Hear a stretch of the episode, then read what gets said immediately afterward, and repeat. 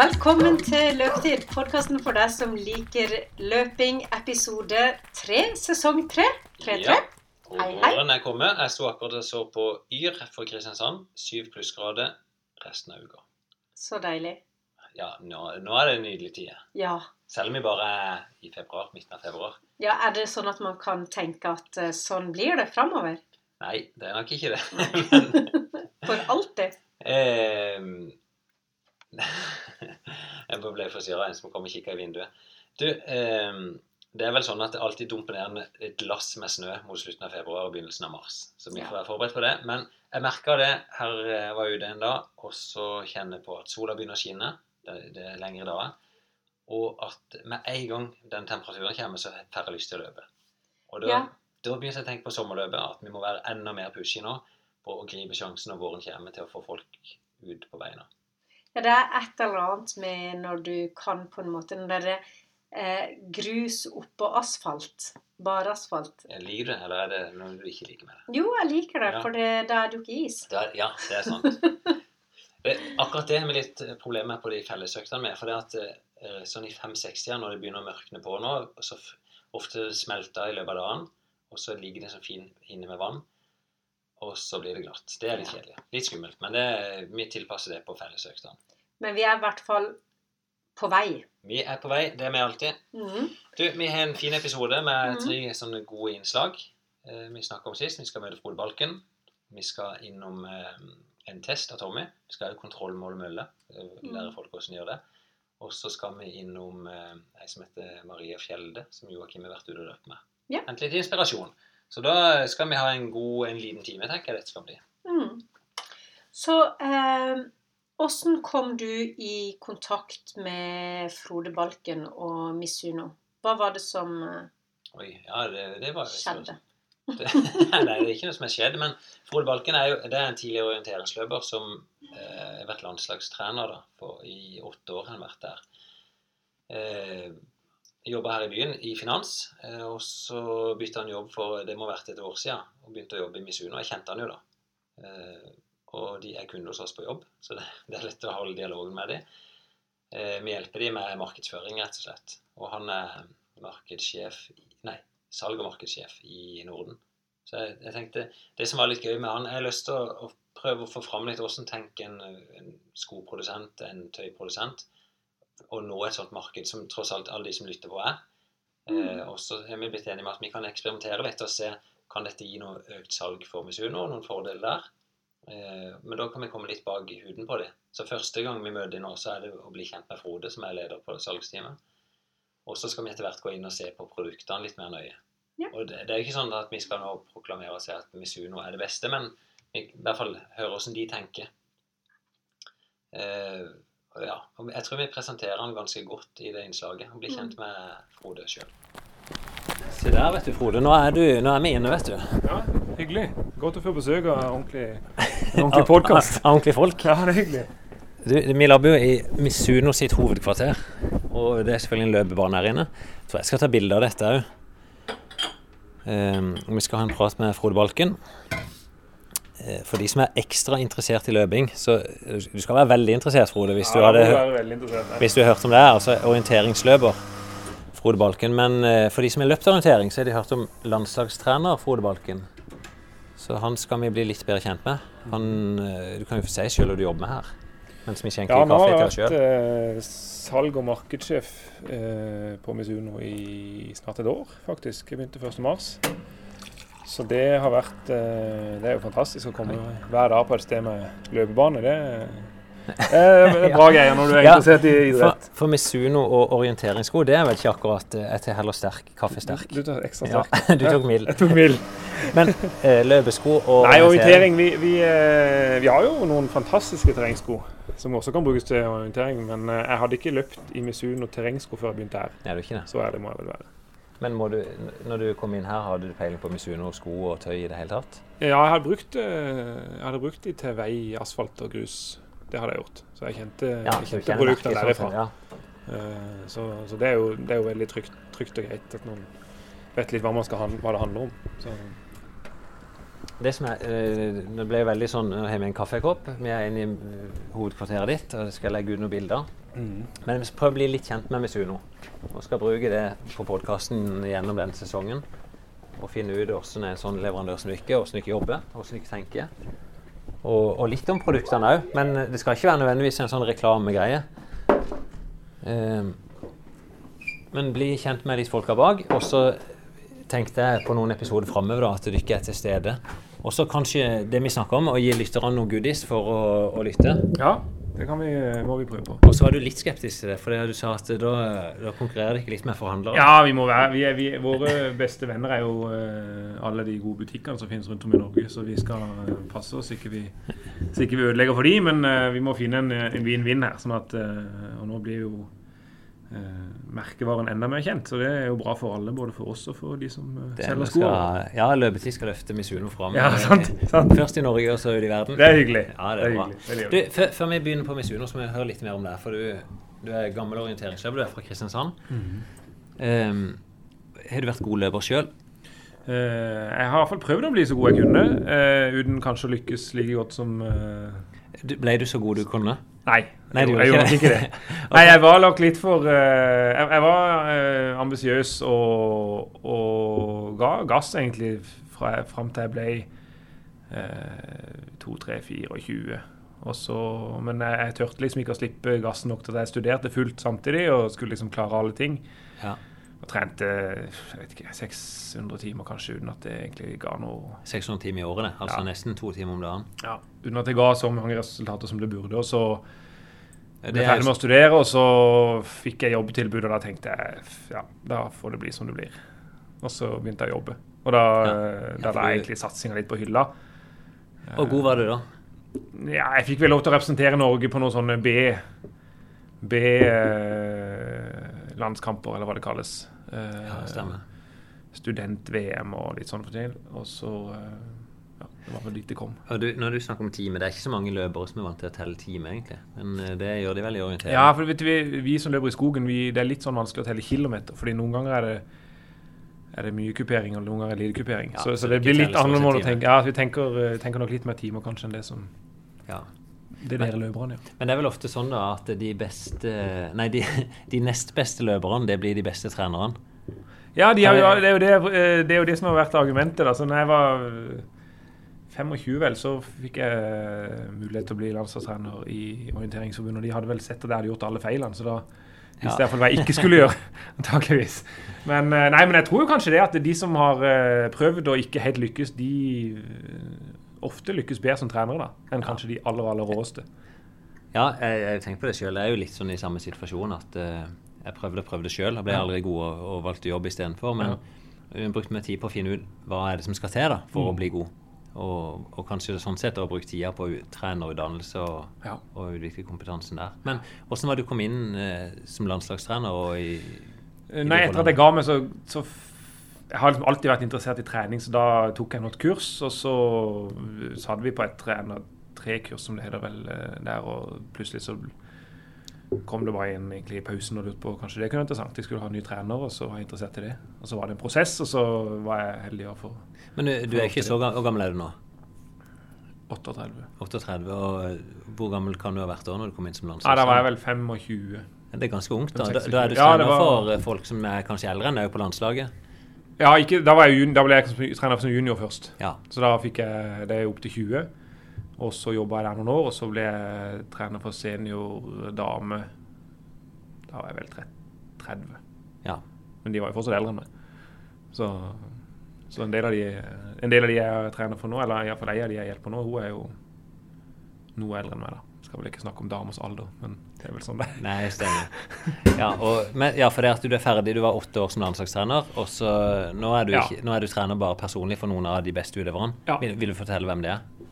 Eh, det kan jeg godt. Eh, det, det, er jo litt sånn når man blir eldre, så får man barn, og så er det eh, mer jobb, og da blir det liksom ikke tid til alt. Og så når jeg ga meg på det, så uh, lurte de på om jeg kunne lurte et par av de utøverne på om jeg kunne hjelpe de personlig, da. Så nå har jeg jobba med Olav Lundernes, uh, Anne Margrethe Hausken Nordberg, uh, Silje Ekroll Jarum bl.a. Ida Marie Bjørg. Ja, det er en fire-fem stykker, da. Ja, De to første der, de er jo kjent. De for, de, for de som er interessert i orientering, de vet at de er verdensmestere begge to. Ja. Og ja, jeg har holdt til et høyt nivå i mange år. Anne Margrethe har vel fått flere barn òg Ja, nå har hun akkurat, eh, akkurat fått barn nummer tre og skal gjøre comeback igjen i, mot VM i Norge, da. Sånn Ja. heter høsten. Den durelyden ikke hører nå, det er bare telefonen som ringer. Men bare ja. sønnen min som jeg kommer hjem fra skolen, så ringer han og spør meg sier at han har det greit. Ja, men det er bra.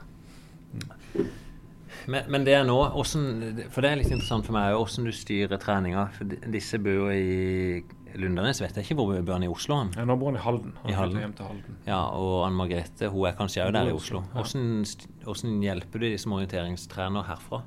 Jeg trodde du måtte være litt tett på og både analysere kart og følge etter de skal Ja, nei, sånn det, vi jobber jo Dette er jo voksne folk, sant, så de, de kan jo dette si, vel så godt som jeg kan, i utgangspunktet. Uh, så det jo, en blir jo mer en sånn sparringspartner, diskusjonspartner og uh, Ingen idé på hvilken hvilke type økter de skal gjøre, eller hvordan de skal legge opp Ja, det går mengden egentlig og Vi diskuterer egentlig alt fra årsplan til mm, altså, øktplaner og sånt. eh, Og jo tettere på vi kommer viktige konkurranser, så jobber vi mer mentalt da, med, med plan for, for konkurransen og gjennomføring og, ja. og innstilling og sånt. da. Hvordan, Så- det er interessant. Altså, Vi løpere vi syns jo at det er tungt nok på vinteren med snøen, som Mm. gjør at ikke vi kan ut i terreng og løpe. Men nå gjør det ikke orienteringsløpere. Vi kan jo tross alt løpe på mølla. Ja. Det kan er det sånn ikke har Ja, jeg gjør jo litt det, vi òg. Altså, reiser jo de beste ganske mye ut av landet for å komme seg til barmark og, og skog. Sånn at uh, Olav han har vært nå i Portugal i 14 år og kom hjem til snø. og Da får du melding dagen etter om at ja, jeg vet ikke hvor lenge jeg blir, for nå var det dårlige forhold. Ja, Så han prioriterer Så egentlig da å- å være han løp, det er da. mulig. Ja. Og så er det Margrethe er jo litt annerledes, for hun har jo tre barn og familie, så hun uh, løper mølle, og så løper hun på snøstier egentlig ganske mye i Oslo. Ja. Fordi at uh, det funker, iallfall ikke akkurat nå da som det har regna, men, men eh, stor del av vinteren så er det jo bra, ja, du springer bare i skauen. i. Oslo. Ja. Ja. Tråkka, Men- men- tråkka stier. Men eh, hvordan en orienteringsløper springer når og leier dette postet på vinteren, eller lager du ikke bare ruter og så finner liksom, du vet hvor du er? vi prøver jo å trene mest mulig teknikk, men, men eh, mye av den treninga vi gjør òg, er jo uten kart. Altså rent fysisk. Og, og vinteren Ja. er jo en litt sånn bolk med mengde mye fysisk kapasitetstrening.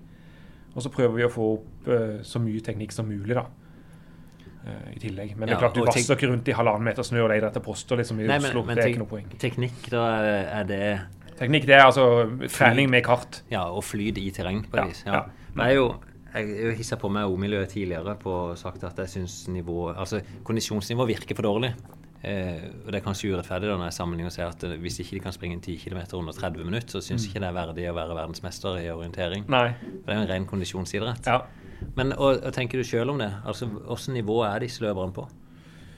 eh, sånn, generelt så tenker jeg at å diskutere nivå på idretter er ekstremt vanskelig, da. Ja. Men, eh, men, men jeg tror eh, Jeg tror aldri nivået har vært høyere i orientering enn det er nå. Ja, du Eh, sånn, i, I orienteringskonkurransen. Fordi at Ja. elementene altså sånn, Vi har jo noen Dette blir litt sånn sært, sant? men de gamle orienteringsløperne de løper jo mye mer på vei Ja, fordi det, enn de de som, det finnes jo flere av de gamle orienteringsløperne som løper, løper veldig fort, både på 29 og 28 på en 10 km. Ja. Løpt uh, Jan Fjærestad sprang vel ned på 2,13 på Ja, maraton, tror jeg. til og med. ekstremt, ekstremt eh, Ja. fort. Og Egil Johansen har vel løpt eh, relativt fort, han også. Ja, rett i Men, men, 22. eh, men kravene til en orienteringsløper da var helt annerledes enn nå, fordi kartet f.eks. hadde en helt annen oppløsning og en helt annen detaljgrad. Ja, sånn at nå er det mye mer fokus på små detaljer i skogen.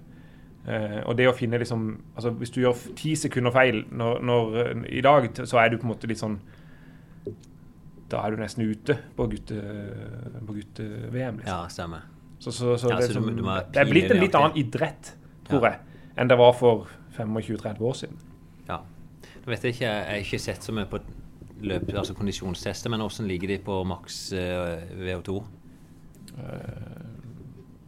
Jeg minner om at jeg har ikke de tallene sånn på altså nasjonalt nå. Nei. Men eh, de snapper nok opp mot 80 i hvert fall. Ja. ja, jeg vet jo mange av de orienteringsvennene de argumenterer for at det er ingen i verden som følger de i terreng. Nei. Det og, og det er jo kanskje ikke så veldig rart heller, for det er jo det de trener på. Så, Ja. det, så det er på en måte litt sånn tr- det tror jeg er riktig. Uh, så er det sånn, Hva skal du måle? Hva er det som er mest relevant? Er det 3000 meter tid? Og vi, denne diskusjonen er jo i miljøet hele tida. Ja. Jeg tenker at det er ikke så interessant, egentlig. fordi... Men, men hvilke parametere er det du måler de på? For du må jo det er jo liksom, Egentlig både på langrenn og orientering så er det jo det ulempen at du må kanskje måle kapasiteten på noe annet enn det de konkurrerer i. Eller Ja, vi, har jo, vi, vi måler, eller vi bruker en del sånne testrunder uh, altså i skogen.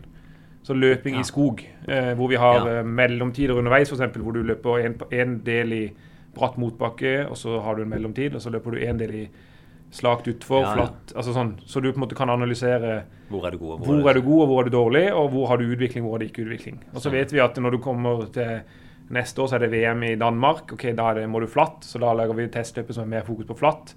Eh, og så måler vi rundt det, da. Ja. Så vi gjør det, på en måte, prøver å gjøre det så spesifikt som mulig. Og så er, Og så er det men- selvfølgelig ulempen skal være blaut. Og så, ja, så, så, så, så det er jo litt av sjarmen, eller hva skal vi si, med, med den idretten. At det er vanskelig å stille til start og vite at ok, jeg er fire sekunder dårligere enn han ved siden av meg i forhold Ja. til personlig rekord. Men det er også det som er litt interessant. da. Ja, ja, absolutt. Du, eh, vi skal gå vekk fra orientering. Eh, Selv om en løper på postkast. Det er krevende. Er det krevende å gå vekk? Nei, det er Nei, er det orienteringsløpere oppfattes som ganske nerdete? At uh, de kameratene de, de er veldig til å analysere kart og hvem som er hvor, Ja, hvor, hvor, hvor uh, Vi kan si nei, men det er ikke interessant å sammenligne, men det er bare det de ikke gjør. Er det ikke det? Når det... Jo da, det er jo mye fokus på analyse. Det er ingen tvil om at det det. Det det er vel er. analytikere i seg Men det er jo det som er litt interessant, for du er jo en idrett som ikke kan analyseres, og så må du analysere den så mye som du kan Ja, allikevel, på en måte. Så ja. derfor gjør det litt Hvor sånn bra er dette i Ja, egentlig. ja. Sånn. Så det er jo det er idrettens sjarm. Nei, men la oss snakke om noe jeg, annet. jeg er jo ikke i tvil om at dette er gode løpere. Jeg har jo selv hatt med Anne Margrethe Hausken Mm. på nordisk mesterskap i terrengløp, så de, de er jo definitivt gode løpere òg. Så, men inn på Misuno, da. Vi sitter på hovedkvarteret i Norden, er det ikke det? Mm, jo. Vi, og det, av alle ting så er det i Kristiansand. Det høres jo nesten litt sånn rart ut at du ikke etablerte dette her. Ja, det er jo men, fantastisk, egentlig. Men eh, jeg vet litt om det, da, for vi møtte jo en haug av japanere her tidligere. Mm. Eh, men hvordan er Misuno bygd opp, sånn salgsmessig? Ja, Misuno er jo et japansk eh, selskap som er over 100 år. Oi, ja. Eh, og som eh, Hva betyr det for noe? Jeg vet ikke. Nei, For helt ærlig. det er greit. Så, men eh, Men Det er godt ikke dette blir oversatt til japansk. Ja, veldig. Da hadde jeg vært ferdig. Men eh, litt av grunnen til at det ligger her, er jo at vi eh, Eller det starta jo Eventyret i Norge starta jo med Scantrade, og, og Ja. de som tok det inn som, som merke der oppe, og bygde det opp eh, på en fantastisk måte. Bygd opp i Norden eller i Norge? I Norge. Ja. Mhm. Det, og, det, og det vil si at da har de tatt eh, importen av det, importert skoene og selger de til alle sportsbutikkene i Norge? Ja, helt riktig. Og så eh, så jo japanerne at dette var jo en supercase, så for noen år siden så, så ønska de å utvikle det videre alene. Og så Mm. og da var det jo naturlig at de fikk, fikk med seg noen av de folkene som var mest sentrale på, på Scantrade hit. Og. De bodde jo i Kristiansand, og da, eh, da ble rett og slett eh, kontoret for Norge først her. Og så, eh, så var det på en måte ikke noe stor, eh, stort fokus på resten av Norden. Så da fikk de muligheten til å få det nordiske ansvaret herfra. Da. Stemmer. Og hvordan er det ikke bygd opp da, med den organiseringa? Altså her i Norge så sitter vi eh, med hovedkontor for Norden, med kundeservice for Norden, økonomi for Norden, eh, innkjøp. Men påfallende få. Det, hvis jeg skal tippe, kan det være en 12-15 stykker inne? Ja, vi er kanskje ja, noe sånt. Ja. Så har vi noen selgere rundt om i Norge, og noen selgere i Sverige. Og så har vi et par agent, agenter i Danmark og Finland. Men ja, og på, det er jo ikke tøy eller sko her i det hele tatt. Det er kanskje på ett av kontorene så så er det noen sko. Ja, vi har et showroom hvor vi har uh, den kolleksjonen vi driver og selger på nå. Uh, Ja. Eller så har vi lager Men, men det er nesten ren administrasjon her, da. Og så er- skjer Ja. salget ute i sportsbutikkene og på nett. Ja. Hvordan Bare tenke for da er du salgs- og markedssjef, var det du kalte det, Mm. for Norden. ja.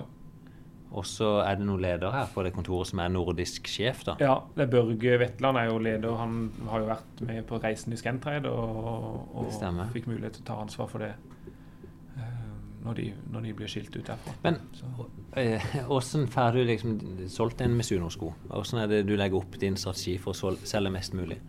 Nei, vi har jo, som vi sa vi, så er jo vi, vi er jo på en måte Våre beste venner er jo kjedene og, og butikkene. Ja. Sånn at vi, vi jobber jo veldig tett med de, både i forhold til marked og i forhold til utvikling av produkter. og i forhold til ja, Ja, og kjedene, da er det typisk eller XXL. Det er Ja, Gressvig og. Sport 1 og ja. Egentlig. Men er det, for å ta inn en sko, da, er det du som sitter og bestemmer hvilken sko du skal ha, eller er det kjeden som bestemmer dette? Uh, vi, har jo klart, vi, vi er jo prisgitt en del av det som skjer i Japan. Sånn at uh, utvikling av produkter og sånt skjer i Japan. Og så er jo Norden et, et eh, bra marked i, i Misuno-sammenheng. Så vi, vi har vår stemme inn i et sånt produktråd eller et produkt... Uh... Men vil jeg si, hvis- du ikke har fått med tilbakemelding på at en sko funker dårlig, eller det er noe galt, Ja. så melder du ikke det inn. Absolutt. Eller hvis vi kjenner at det er et stort behov for en type sko som eh, denne trenger det norske markedet, eh, Ja, og så det er jo det veldig viktig. Ja. Og, det, og det var jo disse japanerne som du snakka om i stad. de når vi hadde besøk av de i sommer, så var jo det japanere, eller altså de som er ansvarlig for sko i Misuno-familien, hvis du kaller det det, sentralt. Hva betyr som det for var- noe? Familien? Misuno-familien? Nei, men altså de Er som, eh, de som er en del altså sentralt i Misuno, altså den, den store eh, hovedkontoret, Ja, så må du komme hit for å se på hva er det dere i Norden trenger. Eh, og da eh, er jo eksempel på det er jo eh, Gore-Tex f.eks. Ingen i Japan som bruker Gore-Tex, det skjønner de ikke noe av. Men Nei. der har vi på en måte Ja. meldt inn et, eh, et behov, sammen med selvfølgelig en del Sveits og Østerrike og noen av de andre landene har behov for Gore-Tex-sko. Og så, så har vi fått gjennom det, da. Så nå er neste steg er å få til en sko med pigg. Det rister de bare på huet i Japan. Det er jo ingen Ja, som bruker ja. piggsko i Japan. Sant? Men det er jo neste Jeg tenkte vi skal få bli kjent mer med produktene etter hvert, og, og du er vel en produktsjef òg her på bygget? Ja, det har Vi vi kan bli litt kjent med Det er helt riktig. Men eh, din jobb da, som salg- og markedssjef Mm. all, Jeg ser jo at det reklameres for Misuno, og jeg ser på noen arrangement. Så Mm. hvordan er det ikke tenker for å få en sko ut? Nei, vi har jo en eh, Og hva måles du på? En mark...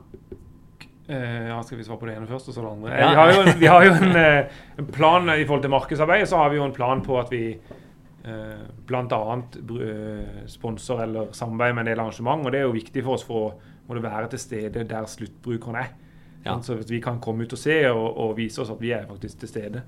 Eh, Ja, Og typisk arrangement du ikke er på? Hva, er det viktigste som du ikke er De viktigste arrangementene vi har, det er jo uh, Vi er ganske tunge på Holmenkollstafetten i Oslo. Eh, Er det så er de hovedsponsor, da?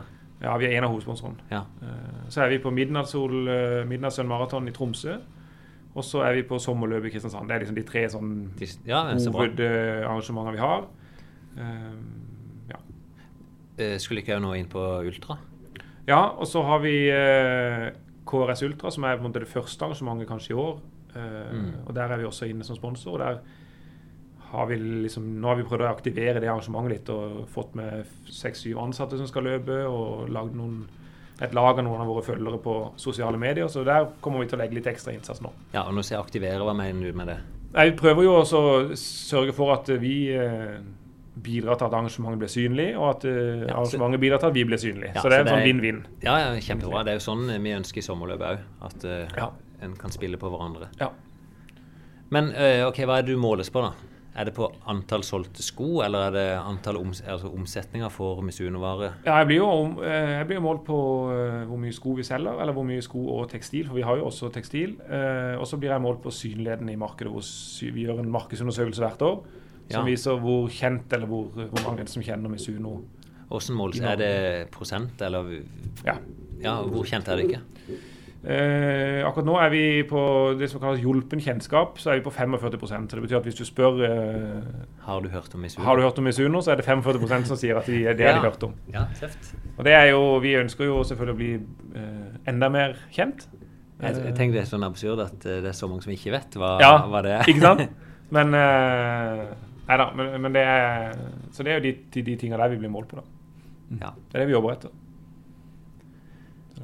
Så bra. Mm. Jeg tenker det er kanskje en sånn grei intro. Hvis du skal si, hvis vi skal bli kjent med dette huset, hva er det som er interessant å, å få snakka litt om?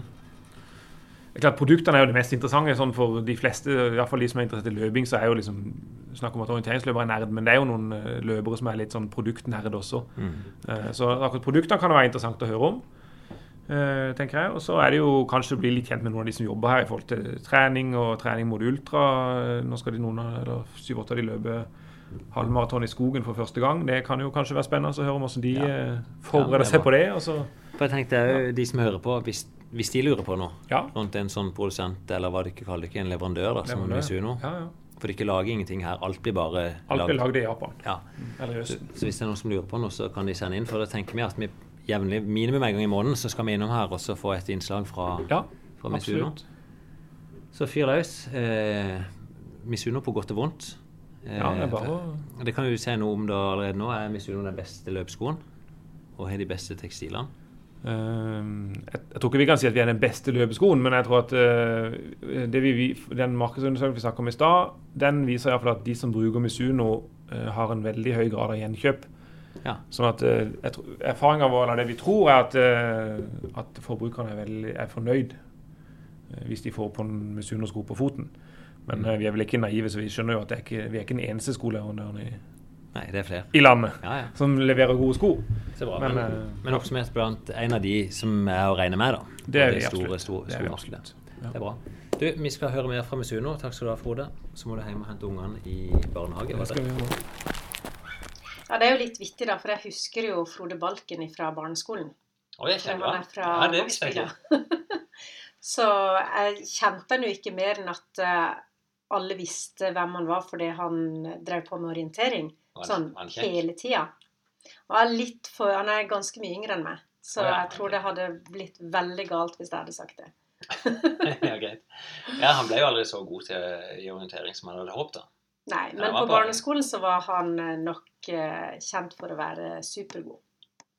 Vel, Da blir han fornøyd. Han, Ja. han hører jo på dette. Balken-familien de er jo en eh, orienteringsfamilie. Ok, Ja. ja. Det er jo sånne ting. Jeg, jeg, jeg var den eneste på ungdomsskolen som ikke fikk lov til å gå på orientering alene. Så Nei, det, det stemmer. Jeg husker du snakka om din mor som eh, ble redd for deg når du sprang på heia. ja, ja, ja, ja. Men det er det grunn til. Jeg, har, jeg klarer å gå meg vill i mitt eget hus. Så Det spørs. jeg har ingen eh, GPS. Men du, GPS. Ja, men du. um, vi har jo blitt kjent med Tommy, som er vår nye Ja, vår nye løpseksperiment, eller et eller annet sånt. ja, vi skal i hvert fall følge han eh, og se om han kan nå mål da gjennom sesongen. Og prøve å lære litt av det. Ja. At lytteren kan lære litt. Så eh, vi gjør som vi gjorde med Eivind, at vi har vært og testa han. Eh, Og nå har vi gjort litt praktisk. Nå gjør jeg det på jobb. Så, og, og det er jo noen sånne utfordringer, da, for det at når du skal teste for, for at det skal være reelt, så vil jo jeg at ting skal være nøyaktig. Jeg har ikke lyst til å drive med cirka. Så det første en alltid sier, er at uh, gjennomfør testen samme plass under de samme forholdene hver gang. Mm. Uh, og Derfor er det lurt å teste alltid på samme mølle. Da vet du at det er i hvert fall likt, sånn at du kan se forbedring. Og så er det jo noe med motivasjonen hvis noe er feil. Uh, det er ikke veldig mye gøy hvis du tester det, og så får du et svar som ikke er reelt. Nei, for det er jo litt Det er noe som jeg aldri har tenkt på. At Nei. ei mølle kan vise noe feil. Men det er jo opplagt når du får høre om Ja, det kan være ganske stor variasjon på det. Det som var, Vi snakka med gårdeier. vi har et veldig fint trimrom i kjelleren og de to tredemøller. Så faktisk forrige uke så var de og stilte inn møllene. Men det er bare en sånn der fabrikkinnstilling som de setter tasten og tall, og så justerer den seg sjøl. Men jeg pleier alltid kontrollmål i tillegg. Eh, Og det er ikke så vanskelig som folk tror det. Men, men det er to ting. eh, Det, det mest klassiske er at mølla står i oppforbakke. Mm. nesten, av en eller annen grunn så gjør nesten alle tredemøller det. Eh, Så da er det bare å ta med et vader. Og så kan du enten måle eh, hvor, hvor mye feil det er. Eh? Du, du må bare vite hvor langt dette vaderet ditt er, og så ferder du helt i vadder, og så finner du høyden. Da kan du Mm. finne hvilken grad det står i. Og for de som ikke er fra Vennesla, så heter vader, vadder Det er et vater. Vader, vater, ja. vater. Eh, eller så, sånn som jeg har gjort hjemme, så bygger jeg bare opp undermølla, sånn at eh, hun blir helt rett. Da vet du dette er flatt. Mm. Det vi gjorde nå med Tommy eh, Vi hadde ikke noe å bygge opp med, så da bare justerte vi på Når vi tester, så tester vi med 1% stigning på testen. Mm. For at det skal være likt sånn som det er ute. Eh, da ble det bare en halv prosent da, på Ja. den testen. Og så selve det å kontrollmåle mølla, det, det er jo nesten bare ren matematikk. Jeg tror alle eh, vet egentlig hvordan de finner ut dette gjennom formelen strekning er lik fart ganger tid. Altså Mhm. S er lik V ganger T. Det, eh, husker du det sjøl? At du er Nei? Nå har jeg sagt hvor dårlig jeg er på orientering. Da kan jeg ikke si hvor dårlig jeg er i matte. Men, Men det var Ja. ja, hvis du tar utgangspunkt i den formelen, da, Mm. så hvis du vet i hvert fall to av de, f.eks. strekninga og hvor lenge du holder på, da kan du regne ut farta du har hatt. Mm. Det er teorien. Men det høres komplisert ut, men det du gjør, du måler lengden på båndet. Eh, og da er det bare en teip og et målbånd. Så det er bare liksom du teiper, og så måler du en del av båndet. Teiper, måler videre helt til du er helt rundt. Eh, nå husker jeg ikke akkurat hvor lang den mølla var. Den var 3 meter og 41, var det noe sånt? Ja, det var rundt der. Ja. Mm. Da vet, du- vet du i hvert fall lengden på båndet, og så kjørte vi bare 100 runder og tok tida på det. Mm. Og ikke sant, 100 runder, da blir det 341 meter. Og så vet du tida du har brukt. Og så er det bare å Da vet du at farta Det er bare å ta strekninga delt på Mm. tida. Vi er ikke med på alle 100 rundene. Nei, det er helt greit. ja. Så vi skal få høre litt hvordan vi Ja. gjør dette i praksis. Eh, Det som er, du må vite, Da får du meter i sekund. Mm. For du vet antall meter, du vet antall sekund du holder på. Da får du altså meter per sekund. Mhm. Så må du bare gange med 3,6, så er du farta. Disse møllene var 12,2 og 12,3 km i timen når de viste 12 på displayet. Men sånn som nå sier du Nå, skal, nå er det jo pga. sånn måling og sånn. Men for den vanlige mosjonisten Ja, det, det er et poeng for eh, de møllene som har vært her. Eh, når vi drev og trente på de før de ble kontrollmålt, så vi og Joakim estimerte at det kanskje er mellom 1,5 til 2 km feil. mm. Så hvis du da føler deg fresh, og så kommer du ned på mølla, så er du vant til å springe på 10, og så syns du det er drittungt på 9 plutselig, så kan du bli demotivert. Men hvis du da hadde visst at dette var egentlig 11 Så det er noe med i hvert fall å vite om det. Så jeg, jeg tenker hvis du er på ei mølle ofte, så er det greit å kontrollmåle. Men Joakim, du, du sa vi står jo her og skal måle plutselig en ny person som er inne. Vi er Tommy, som vi skal teste i dag på en laktatterskel. Og så er du plutselig dratt ned en, en ny utøver som senere skal testes. Hva er greia her? Nei, Du, du er blitt som supertrener. ja, her er det. Parallelt har jeg jo lagd litt programmer for andre også. Og Elisabeth er jo en, eh, en ei eh, dame til en kollega meg, Ja. som jeg har møtt, møttes litt sånn eh, via via. Ja. Og um, hun er da um, Hun har satt seg et mål på lik linje med Tommy. Ikke samme nivå. Hun har egentlig bare sagt hun skal hun har et, et enda høyere mål. Så hun skal da løpe Det kan du svare for. Du skal ha mål om 10 km på Under 40. under 40 minutter.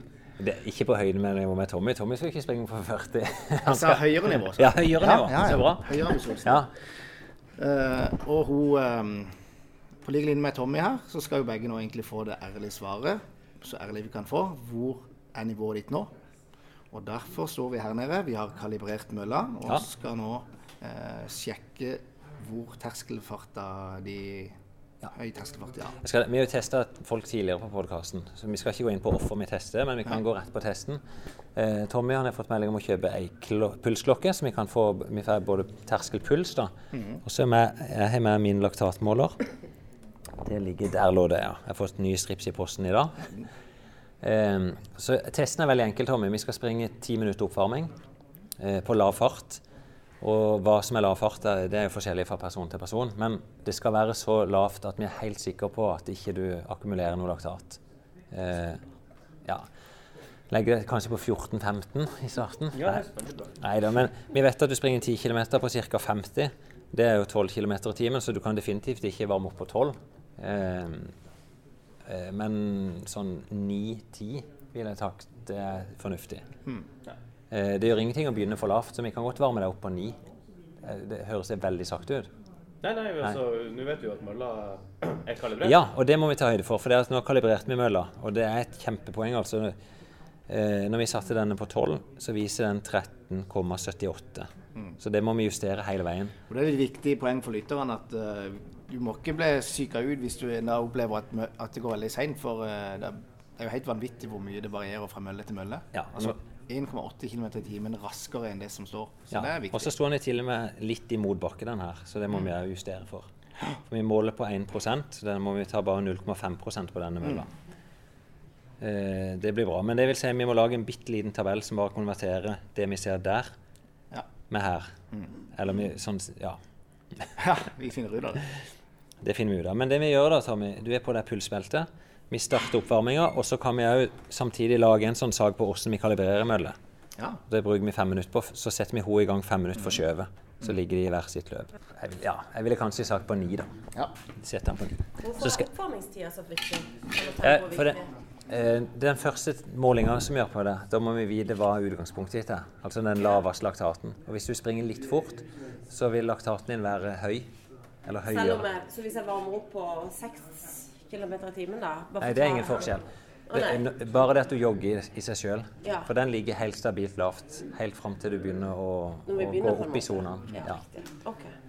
Sånn at det, de ti rolige minuttene du vil bli etterfulgt av noe mer rolig etterpå. Er jo Da er i hvert fall hun i gang. Joakim setter hun opp. Kalibrering av mølle. Det skal vi og deg gjøre nå, Tommy. Det er egentlig en veldig enkel prosess. Eh, Det er en matematisk formel som sier strekning er lik fart ganger tid. Så altså hvis vi vet strekninga Altså hvis vi vet to av parameterne, så kan vi finne den tredje. Og det vi vet her, strekninga kan vi finne med å måle båndet. Så det gjør vi nå. Da tar jeg bare en, en teip jeg, som er festet på båndet, og så skal vi måle da båndet.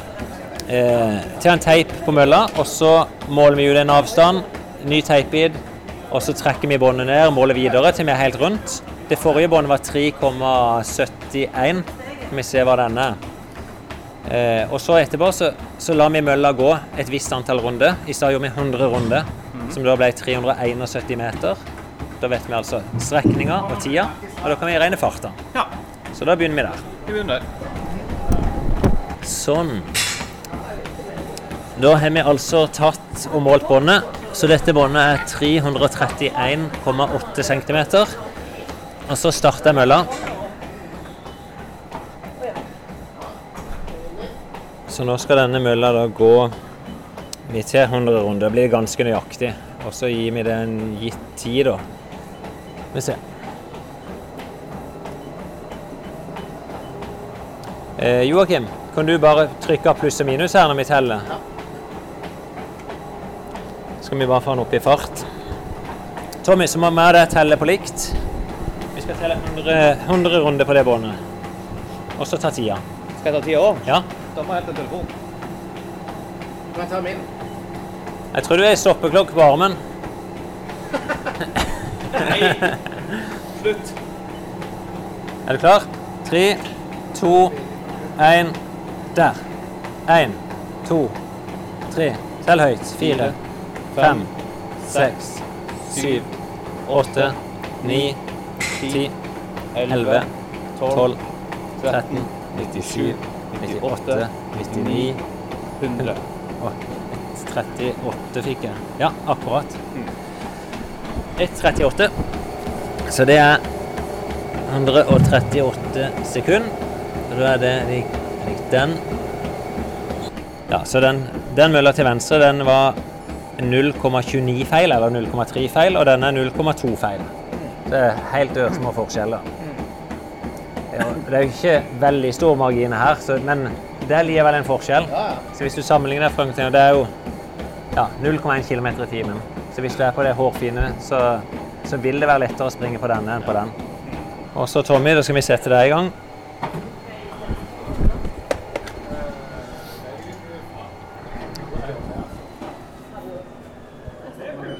Da starter vi det der. Vi skal ha det til å starte på 9 km i timen.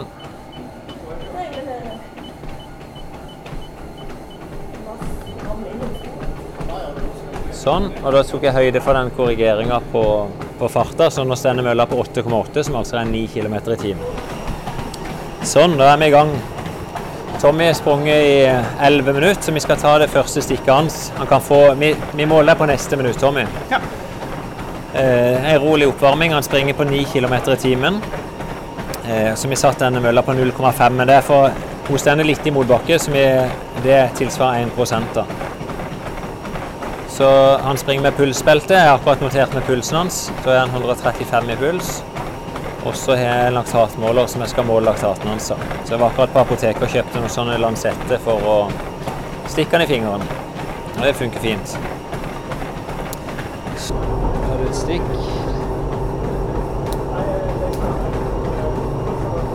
Er det første gang vi måler deg, Tommy? Ja. Din første laktat noensinne. Åh, det er helt magisk. Vi var på 9. Eh, det som er planen, er at vi tester på 10, 11, 12, 13. 2,6 er det laktat. Da kan du begynne på 12,5. Vær så god. Ja, og 2,6 det er skal ikke si høyt, men det er liksom litt høy utgangspunkt laksat. Og så med Elisabeth når vi testa henne, hadde 2,1 og sprang rolig, og så 2,0 på neste. Og det er ikke så uvanlig det at eh, folk kan være litt nervøse, de er ikke helt varme. Så gjenger laksaten litt ned når de begynner å springe litt mer rasjonelt. Det er bra dette. Du hadde 2,6. Skal bare springe fem minutter på denne farta. Og det, det skal kjennes ganske lett ut dette foreløpig. Kjennes greit? Ja. Dette er som en time på en 10 km, den farta du holder her. Ja. Og dette er Vi er kanskje forbi det du jogger på en vanlig joggetur? Nei Jeg pleier å jogge på rundt um, 5.30? ja, 5.30 Ja. Dette er seks minutter på kilometeren. Det er bra. Nei, men vi er godt i gang her. Sånn, da er vi på Elisabeth her, som er i gang eh, på sitt eh, andre drag. Er det 2,0 da på første eh, måling på det første draget. da. Det var på 12, og nå er jeg jo på 13. Hvis du vil holde den, Joakim? Er det bløt, da? Ja. Det blir nå. Ja, Da trenger vi ikke stikke der. Det er fordelen. Og det må tørke blod uansett. Da springer du i ti sekunder til. Sånn. To. En, to. Jeg kan bare ta den. Nydelig. Det er bonus. Så slipper vi å stikke på nytt. Sånn. Så bare spring og hold på den. Ja. Så begynner du igjen. Det er et halvt minutts pause, da. Da er vi oppe på Gi meg litt vann. 2,1, så det ligger helt stabilt. Så det er ingen økning i laksat ennå, så det er jo veldig lovende det. Det ligger fortsatt i sone 1. Da er vi oppe på 14 km i timen på neste drage nå. Og Det er jo tegn på at da er du Begynner vi å nærme oss nå? nærmer deg det jeg tippa. Jeg tippa du kommer til å ha rundt Nei, eh, ja, men. Bare begynner det. Ja.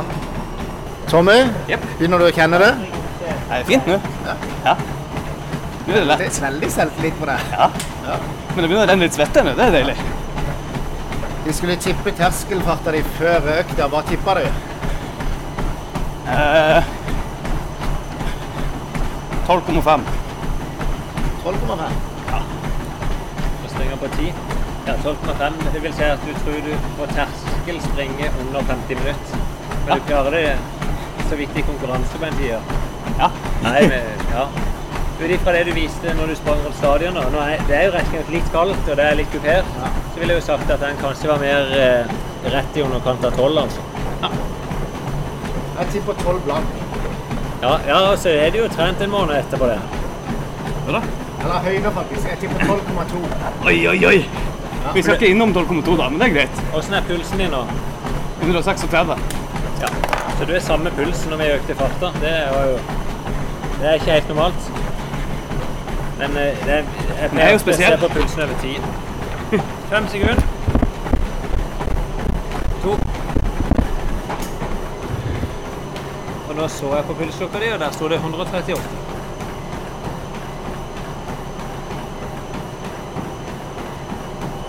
Sånn, skal du bare holde der. Nei, ja.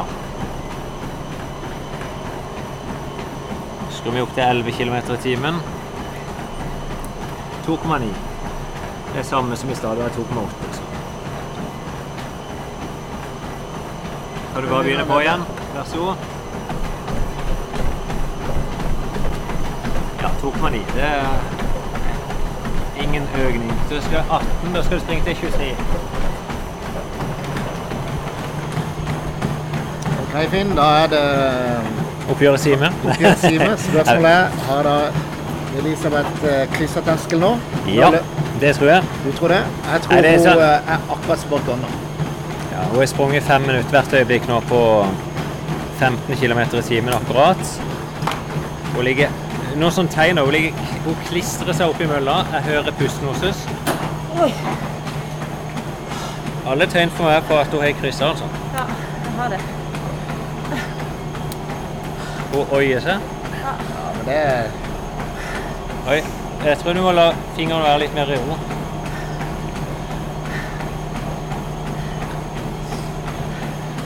Bare hold. Ja, det er trom, trom, trommeslag. Bra, bra, bra, bra, bra. Ja, der nuller han. 5,0. jeg Helt perfekt. Veldig bra.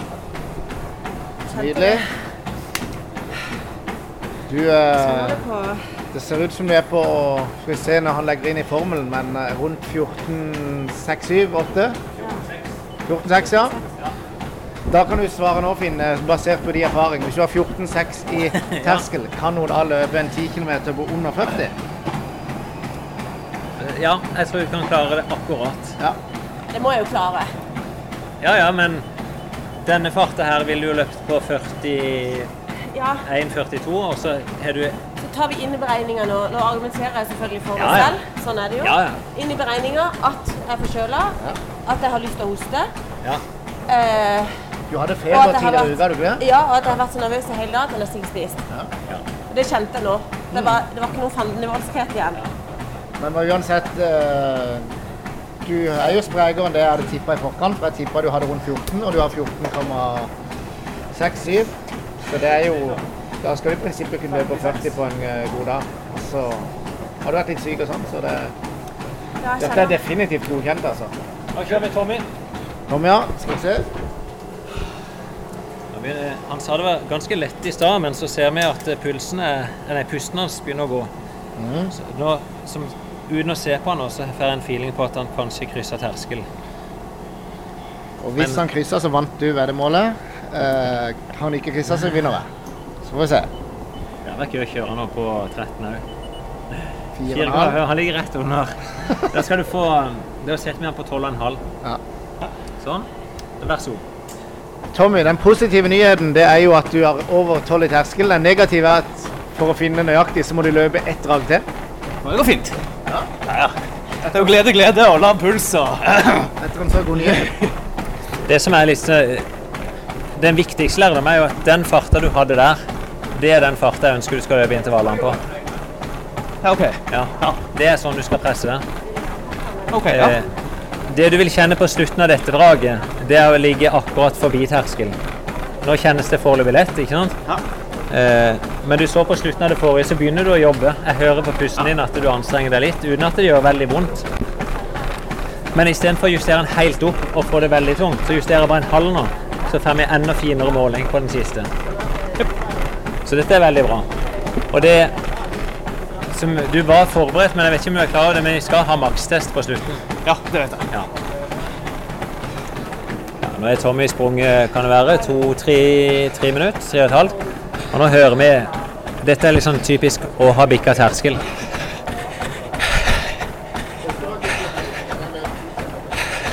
Hvis, hvis du hører her nå, Joakim, skal jeg bare se Jeg ser dette er sånn typisk når, når en har kryssa terskel.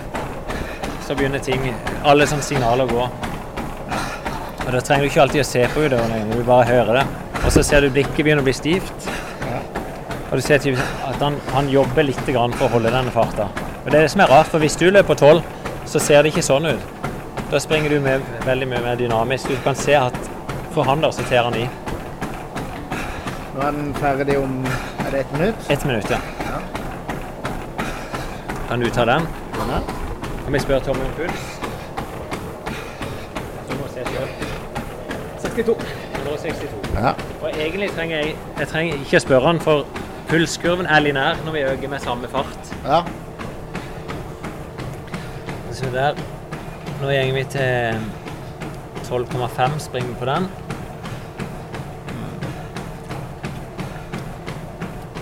Det kan jeg se, Han er jo økt med ni slag når vi økte med én. Ja. Da vil han øke med mellom fire og fem slag her. Mm. Altså 161, altså fem slag.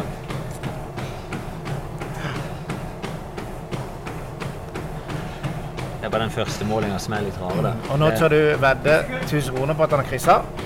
Ja. Bare løp til jeg er klar, Tommy. Det er alle tegn. Han ber meg kikke på pulsklokka. Han eh, varsler meg om at han er klar. Vær så god. Nå bare se på pulsen en gang til. 164.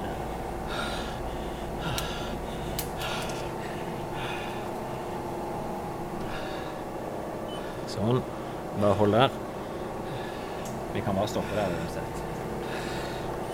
Smerteskala nå, Tommy. Hvis du, ti er dritvondt, eller maks vondt, og null er ingenting vondt, hva, hva vil du si på den skalaen når du føl, føles nå? Smertemessig så er vi på fem. Å ja. Ja. Fra 1 til 20. Eh, ja. Nei, én til ti. Ja. Nei, blir det gjør ikke veldig vondt, det er bare tungt. Og 1 til 20, da. Da er vi på ti. ok. Det vil vi andre regne som lett jogg, da. Men det forklarer kanskje hvorfor Tommy pusher seg Ja. til for det. Um, terskelfart 12,2, så du er 12-2. Ja, veldig bra, Tommy.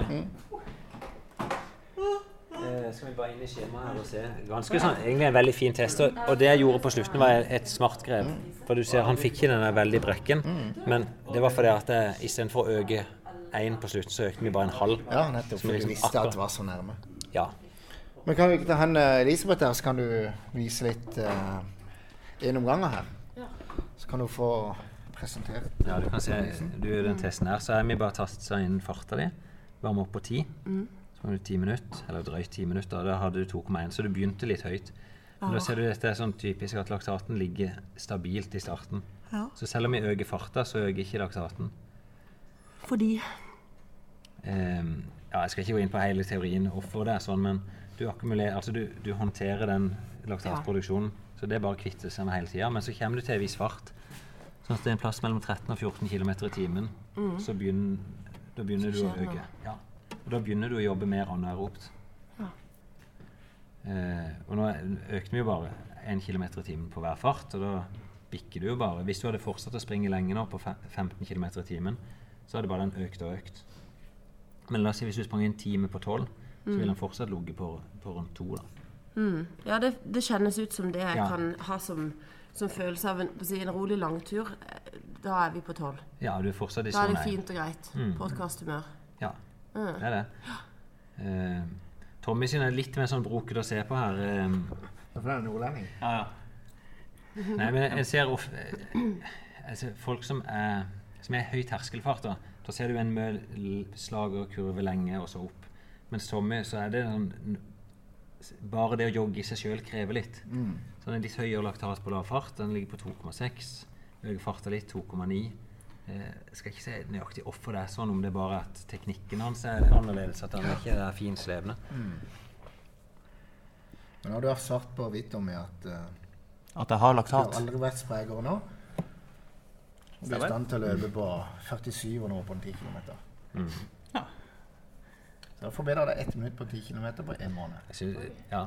Du, skal ha det. du er i hvert fall ikke pessimistisk på disse sveiene. Aldri. Nei. Er det på mine egne, men ikke Ja. på andres? Eller er jeg faktisk eh, Det er en måned igjen til jeg skal løpe 10 km på nytt. Ja. Ja. Jeg vil jo si sånn 12-2 Det er optimale forhold her inne. Mm. det vil kanskje, jeg ville sagt at hvis han springer under 49, så er det et greit utgangspunkt. Det vil, eller et sånn realistisk utgangspunkt. Men vi har jo det, Altså 48 og en Nå som eh, Solskjær har eh, gjort comeback, eh, så har vi en vanlig Premier League-tabell. Ja. Solskjær-tabellen. Og det samme med Tommy. Vi har en sånn Tommy-måling. Jeg går for sol Solskjær-effekt, rett og slett. Så Tommy har, uh, Tommy har egne skalaer. vi skal ha makstest. Vil du være med på makstest, Elisabeth? Ja. du, testen er veldig enkel. Mm, er nå, da. Det er nå. Det er nå. Ja.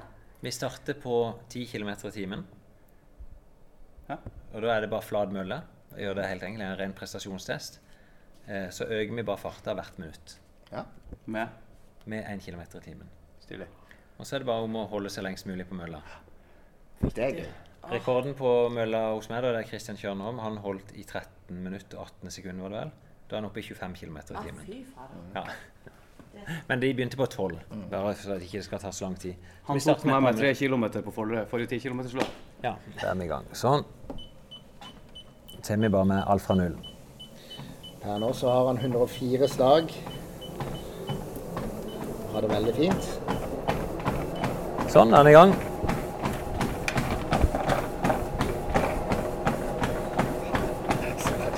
Jeg pleier bare Skal vi se hvis du holder den. Ta de fast her. Jo dårligere formen er, jo lavere må en begynne, da. Men jeg pleier aldri å begynne saktere enn 10. For alle kommer i hvert fall opp til 15 av de som har trent litt. Da Da er vi på det første minuttet, og så øker vi opp til 11. Det er en sånn kjedelig mølle mot det er 0,1 nå, men du, du ser tydelig her på pulsen at det tar litt tid før han begynner å gå forbi. Ja. Så han sprunget i snart 40 sekunder på 13 km i timen, men han er ennå ikke forbi terskelpulsen sin. Da ligger han på den. Så egentlig fra nå så begynner han å akkumulere litt. Bra, Tommy. Skal fortsatt være ganske greit, dette. Og det, den fasen du er inne i nå, det er nesten det mest ubehagelige. For det, det begynner vondt, men du skal holde på noen minutter til. Nydelig. Vi er oppe på 14 km i timen. Hører han har begynt å puste. Det er bra. Pulsen stiger. Har du testa maksen før, Tommy? Nei. Og tipper du maksen her?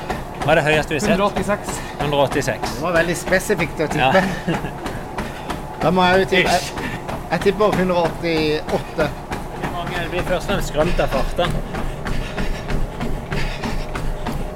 Vi er på 15 km i timen.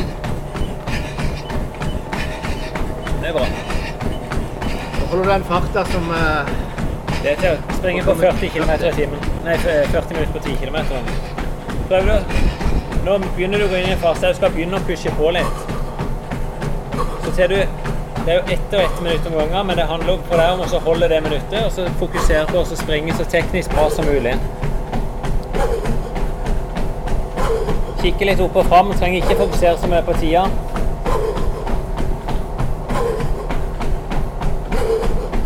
Også hvis du begynner å tenke nå at du er inne i en konkurranse, så er ja, det er tungt, men det er fortsatt den perioden før du begynner å spurte. Vi skal hente fram det siste.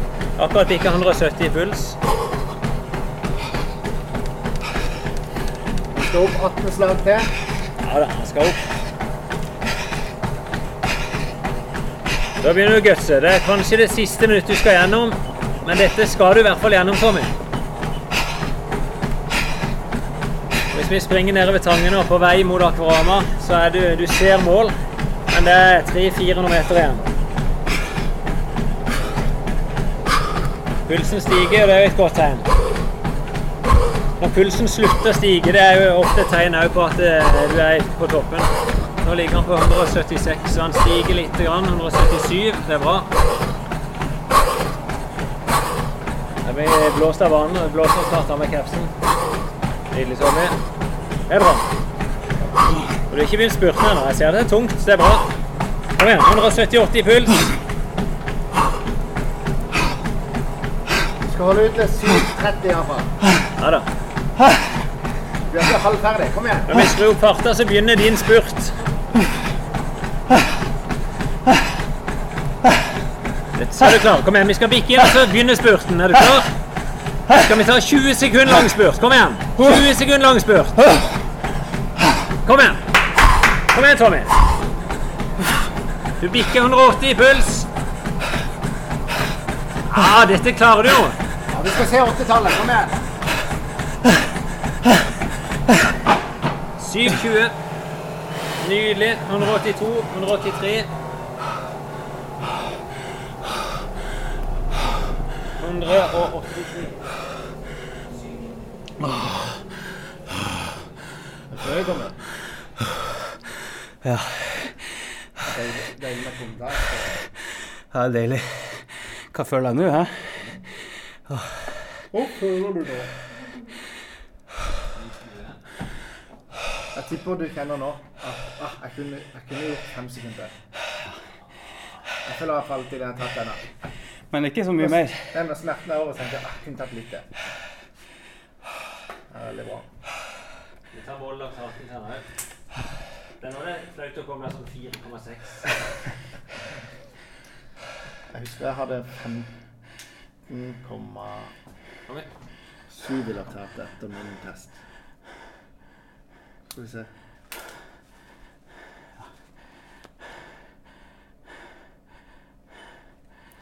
Sånn. Thank you. Bra. Godt Men å kom jo ned igjen, pulsen. Det er jo bra. Ja, det gjør han. Han ble ikke der oppe. Det er på 135. 12,3. 12,3. Ja, Det er godkjent det, Tommy. det er godkjent, men det er i nedre sjikt. Det- Jeg tror det er mer å gå på. Ja, men det som ofte skjer, en blir litt skrømt av farta. Du, du, jeg ser du liksom Men jeg kjente beina begynte å vingle. Det var da jeg hoppa av. Ja. Jeg hadde ikke lyst til å Jeg skulle akkurat til å si at du kunne gått for åtte. For det så sånn ut sånn Ja. Ja, det kan vi kalle det teknisk at eh, Men så, jeg tror du blir litt redd. ja. Det er godt mulig. Men nå er det et utgangspunkt. Det er veldig gøy for neste test vi kan ta. Da er det, har du flere mål. For det første, du skal øke terskelfarta. Nummer to, du skal holde ut lenger på makspulstesten. Og så skal du se en høyere makspuls. Så det er deilig, for da vet du neste gang når du har løpt at du holdt ut i 7,40 nå. Aha. Var det 740? Nei, 7,30. 7,20. Det var har 40 sekunder igjen til 8. Og da kan du neste gang tenke deg fram til 27, så er det ingen Det vet du du er klar.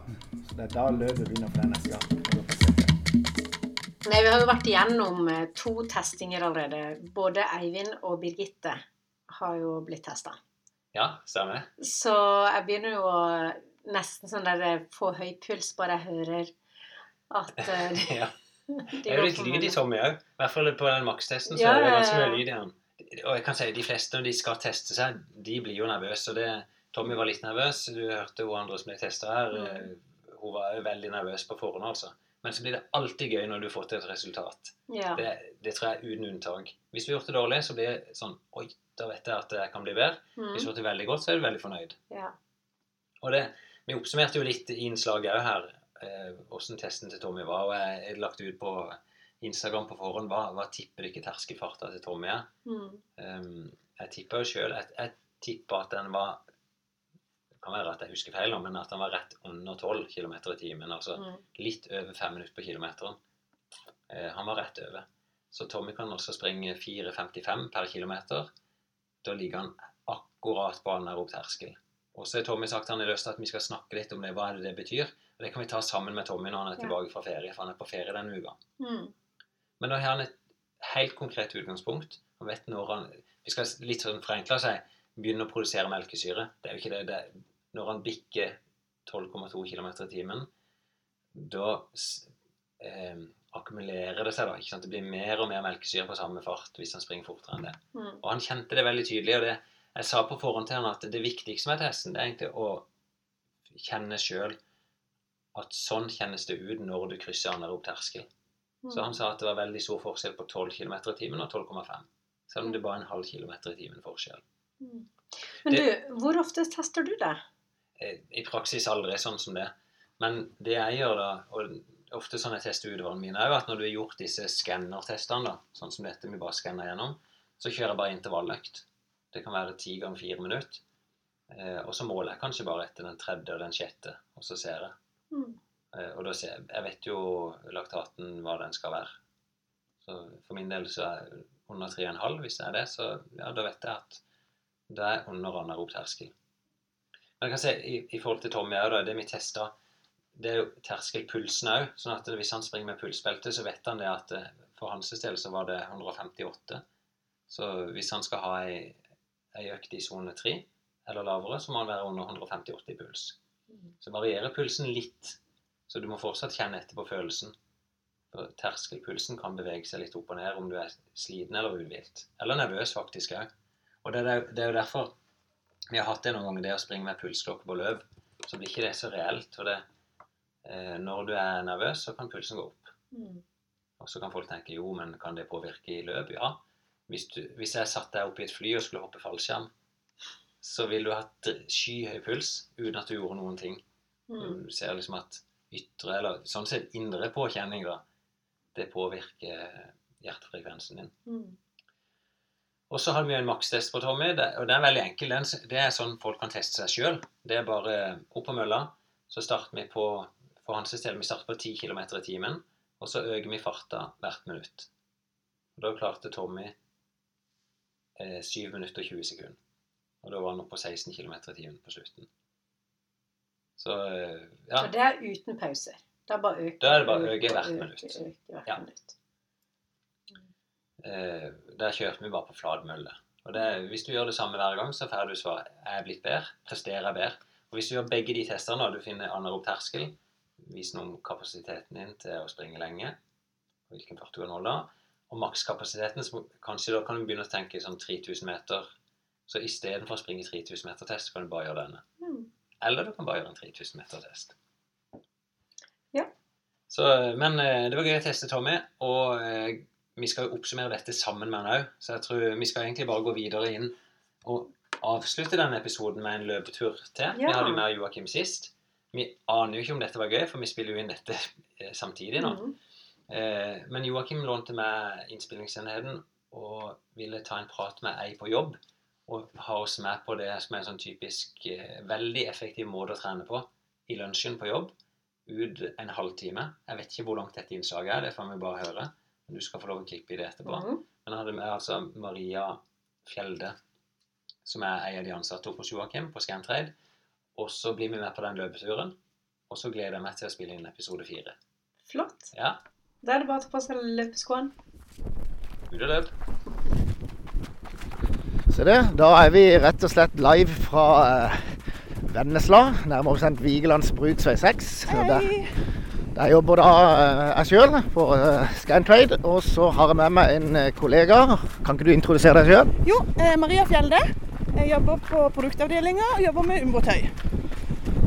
Og hva i alle dager, hva er grunnen til at vi, vi faktisk bruker lunsjen til å jogge rundt der? Det er jo egentlig du som har tatt med meg, og jeg ble veldig overraska over at noen på jobben var mer entusiastisk på løping enn meg. Så jeg lurer litt på Hva hva er greia? Ja. Hvorfor bruker du lunsjen til å løpe? Nei, altså det Det begynte egentlig med at jeg har utrolig dårlig tid hver dag hele det døgnet. Jobber fullt og småbarnsmamma. Overalt er liksom så stappfullt. Så når jeg egentlig har best tid, er lunsjen. Og da så en god mulighet til å bare komme meg ut og bevege meg og få litt frisk luft. Og så løpe litt i tillegg. Det er jo veldig imponerende. så Det er jo mange som vil si at det er, det er veldig strukturert og faktisk og dedikert. Nei, dedikert. Nei, men det er ikke det. fordi at hvis ikke, Jeg har ikke sånn jeg skal gjøre det mandag og onsdag. Eller jeg må gjøre det da. da det, det, det er liksom kroppen som bestemmer.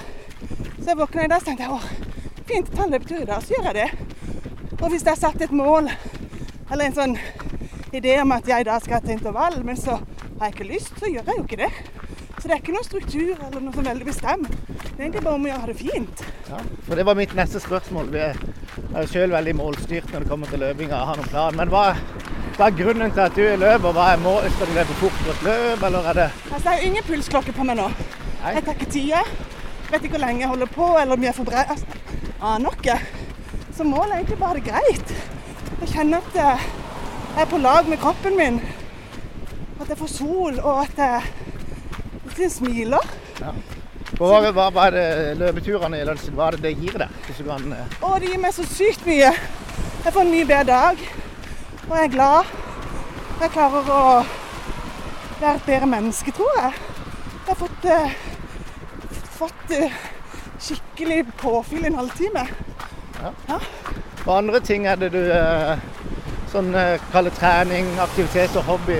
Hva, løping, er det noe som du alltid holder på med, eller er det andre ting du gjør med? Nei, altså, jeg driver ikke kjempemye med løping. Jeg er ikke med i noen løpeklubb eller har noe sånn fast opplegg. Det er yoga jeg driver mest med. Det er yoga, ja. Og ofte gjør du det? Jeg har time en gang i uka på Mioli. Så driver jeg med egen praksis og gjør sjøl. Ja. Så der er jeg instruktør. Men uh, begynte vel med å løpe. Nå har jeg begynt. det. Nei, gjør du det? Ja, nei, jeg vet, jeg begynte å løpe i 20-årene, tror jeg. Og nå er jeg 38. Men eh, det er ikke det som har fulgt meg hele livet. Men jeg merker det gir meg enormt mye. Som fellesnevneren på hvis en går yoga sammenlignet med løping, eh, Ja. er noen ting du ser altså, som gir samme Ja. altså, fellesnevner? Ja, ja, ja. effekter? Når jeg begynte med å løpe, det var før yoga, så var liksom det min meditasjon. Jeg var alene, og jeg fikk være i fred. Og egentlig så er jo jeg supersosial. Jeg elsker mennesker og elsker å by på meg sjøl. Men når det er løping, så er det bare meg. Og det er ingen jeg skal overbevise eller prestere for. Det er bare meg og kroppen min. Og det er litt det samme med yoga. Det er bare det. Mm. Det er jo, eh, jeg tror Det er nok andre mennesker som løper i lunsjen, men jeg tipper at de menneskene kanskje har litt sånn som prestasjonsmål.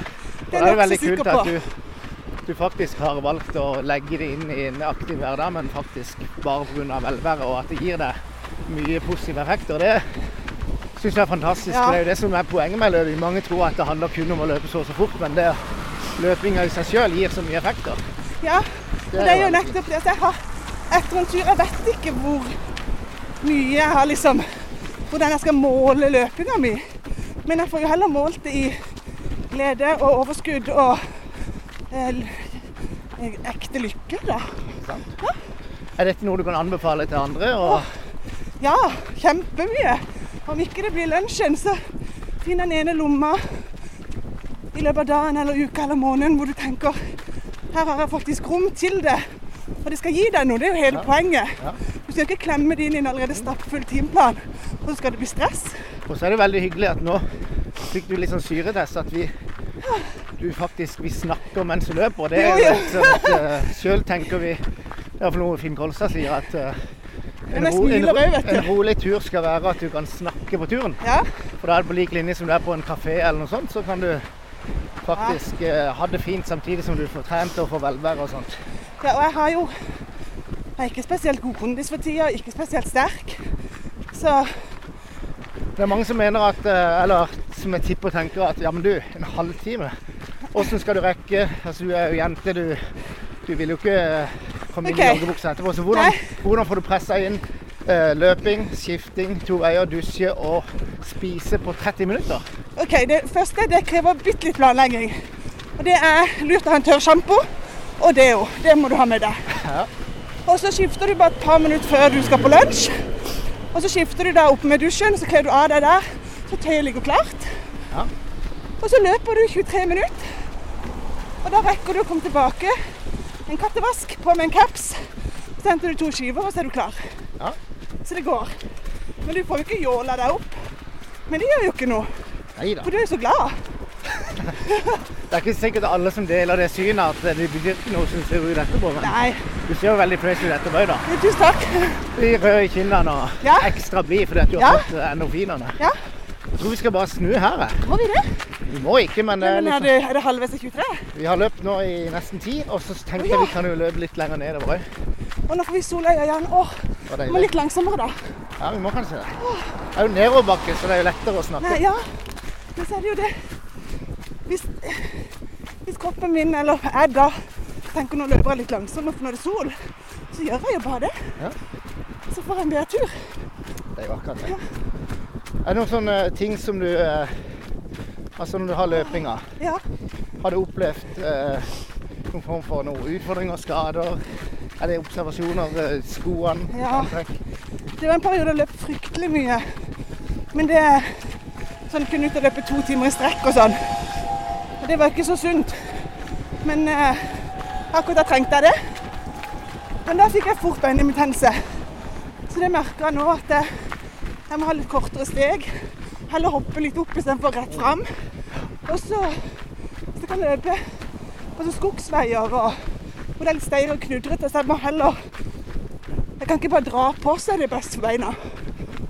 Ikke sant? Har du fått noen reaksjoner? eh, Sånn, det har du jo fått, men kollegaer, eh, venner og og sier Ja. de? Hva er det, eh, når du er ute og løper lunsj? Hva er Nei, Jeg har fått med meg et par kollegaer, det er veldig hyggelig. Ja.